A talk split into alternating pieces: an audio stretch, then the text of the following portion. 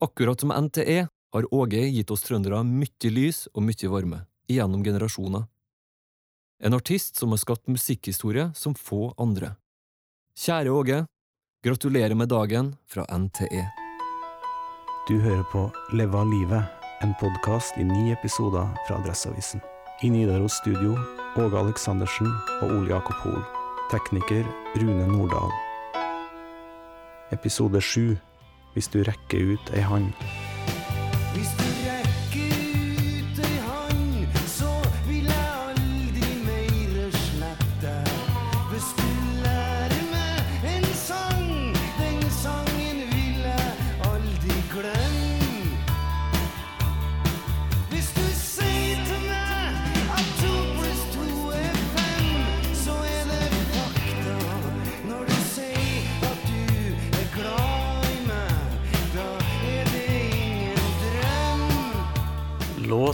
nummer sju på Leva livet, hvis du rekker ut en hånd. Det er selve lyden av sambandet, tenker jeg da. Ja, og der har vi det med den synten og alt det som vi holdt på med den gangen. Og så må jeg innrømme at eh, jeg er svak for den sangen der, den dag i dag. For meg så er det sånn Her er det litt Afselius, her er det litt Lund, Lundell. Her er det altså mange påvirkningskilder, men først og fremst så er det sånn at jeg liker å skrive eh, Noen kaller det kjærlighetssanger, eller det må være glad i noen. Og så liker jeg å skrive sånne sanger som at eh, de er absolutt ikke rosenrøde. Altså, jeg, tror, jeg tror ikke på Jeg tror ikke på at verden er sånn. Jeg tror ikke at eh, man suser gjennom livet uten at det er ja, mye tøft å forholde seg til i samliv, da. Og her syns jeg jeg er Altså, jeg synger ikke hvis jeg drikker for mye, vet. Jeg synger når jeg drikker for mye. Altså, her er det inn til beinet over hele linja, og det liker jeg. Det er meg. Ja, det turnélivet ditt som da starta i 68, og som kulminerte i den perioden her, det, det må ha vært hardt for mye, det? Ja, det er klart det, og det eh, Sånn dårlig samvittighet, det preger jo meg den dag i dag, det, da, på grunn av at Toril måtte jo stå mye alene på sidelinja på fotballkamper så videre. Men eh, så, så det er litt sånn Altså teit eh, Gamle mannssjåvinistvalg. Altså at jeg realiserer meg via yrkesvalget mitt. Og hun må være hjemme og passe ungene, for å sette på spissen, da. Ja, så, så kompenserer du med å skrive en og annen låt, da. Ja, ja det, det, jeg prøver da, Der ordene, der, der samtalen ikke når frem, så lager jeg en sang der jeg forklarer alt. Det, det, det har tydeligvis hjulpet litt, da. Det hjelper. Ja, det er klart det. Det er nå formen min, det, da. Sant? Men eh, den sangen der spiller jeg jo gjerne live. Da. Det er et lite problem med det. Dette er virkelig ungdomstoneart. Altså, det leier den synges i. Og Dette er for dem som er spesielt interessert. Har prøvd å legge ned. Ja. Nei. Desperasjon forsvinner. Den blir ikke samme sangen. Og da er det jo sånn at dette kommer til å bli um, Det blir målbart etter hvert. Alle vil da skjønne at den dagen jeg ikke fikser å synge den sangen her, så takk og farvel. Så den, den må du fikse. Ja, den må jeg fikse. Så lenge jeg fikser den, kommer jeg til å spille. Ja, for det er en av dem eh, Det er ni låter på Leva livet, og seks av dem har jo vært nærmest fast på repertoaret. Kanskje ikke samtidig, men at de har vært der. Jeg har vært ute og inn i den der òg, men uh, Nei, den altså, Den er jo sånn skikkelig sånn A4 poprock-sang, da. Og med nye besetninger i sambandet, så lærte den jo helt fantastisk. Og så liker jeg mm, Ja, dette er en sånn tekst der jeg i hvert fall ser det målet jeg satte meg. Og eh, ja, og jeg vet at det er veldig mange som er glad i den sangen. Sivert Høyem, eksempel. Ja, for nå kommer vi tilbake til den hyllestkonserten og Sivert Høyem-sangen på Kav trøndersk òg. Og fantastisk versjon. Så jeg kjente jo faren til Sivert, så han, han var jo veldig glad i, i den sangen der. Altså, Så, eh, og, for meg å høre han synge den sangen så lett og elegant, men samtidig med samme jeg kaller det grumse i teksten, da. Jeg, jeg forteller meg at den sangen den holder mål den dag i dag.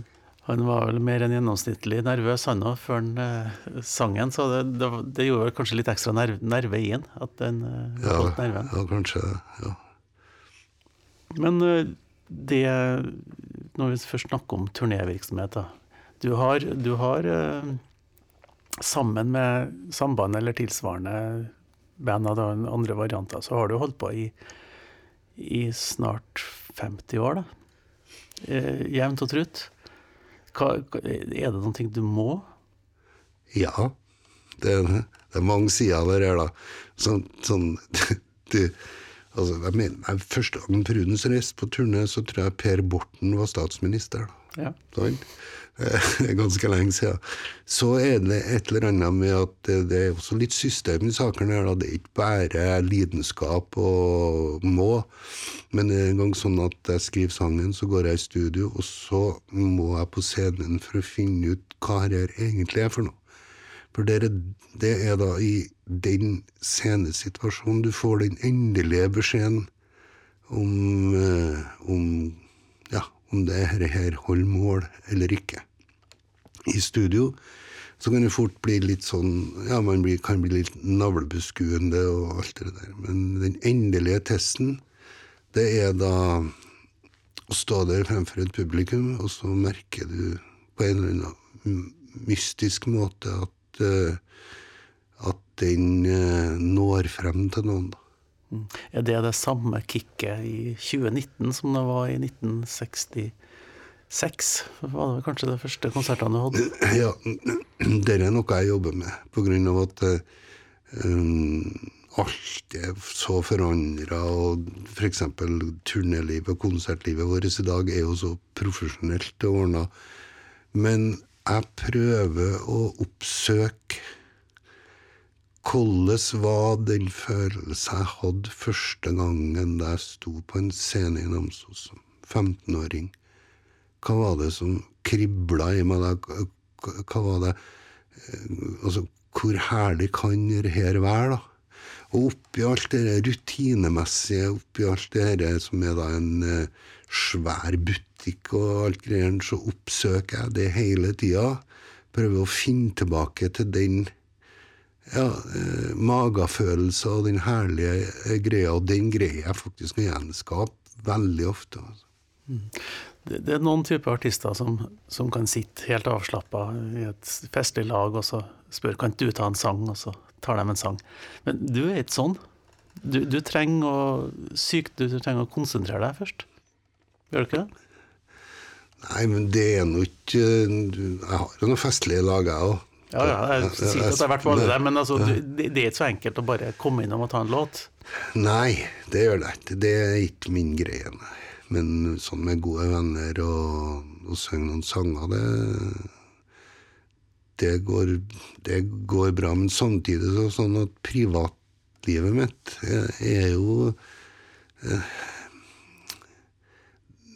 Det er mye annet enn musikk, da. Sånn, og, det tror jeg er lurt. At jeg, jeg kan ikke holde på å brenne den der flammen der hele tida. Jeg må eh, gjøre noe annet. Og så, og så er det Åge-verden, vet du. Den er ganske sprø. Sånn. Ja. Jeg går ut av huset mitt om morgenen og skal på spilling, og så kommer det et menneske og henter meg. Så blir jeg frakta til flyplassen, og så tar jeg et fly, og så kommer det noen andre og henter meg. Og så ble jeg frakta til et hotell, og der er alt klart. Og så kommer, kommer noen og henter meg, og så jeg, så får jeg den maten jeg vil ha.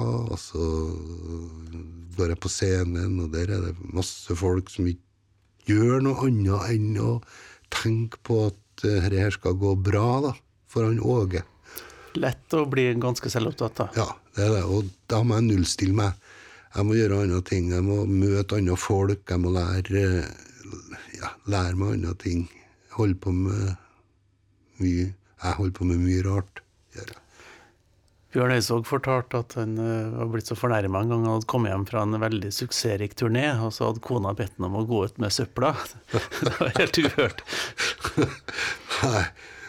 Men det har faktisk vært situasjoner i livet mitt der jeg har turnet så mye at når jeg kom hjem, så måtte jeg etter en dag eller to jeg ta meg, sette meg i bilen og kjøre meg en tur til Støren og tilbake igjen, bare for å finne ut hvor jeg var hen. For det er noe sånn at uh, på turné lengter du hjem, hjem lengter du etter turneen. Og det her er jo tror jeg mange musikere kjenner seg igjen i det, at uh, det er et ganske skrullete tilværelse, men samtidig er man heldig som kan holde på med det her.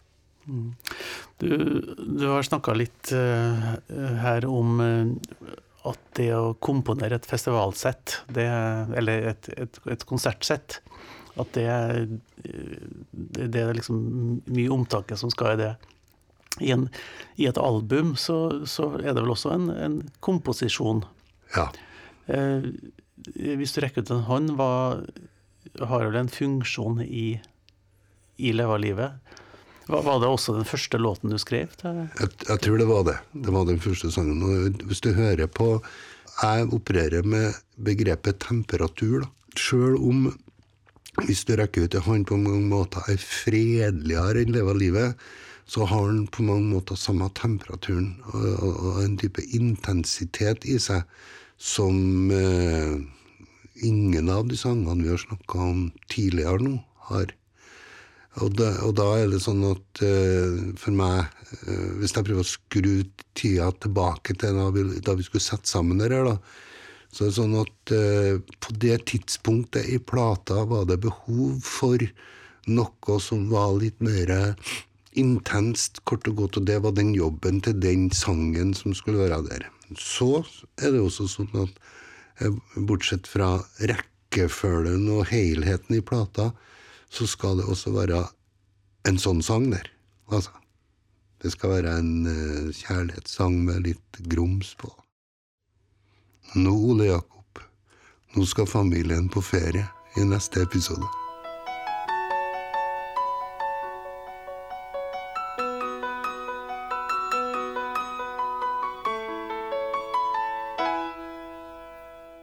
Gratulerer med dagen til trønderrockens far Åge. Takk for alle de fantastiske øyeblikkene du har gitt oss. Du er vår stjerne, vår konge, og vi i NTE gleder oss til å feire hundreårsdagen vår sammen med deg.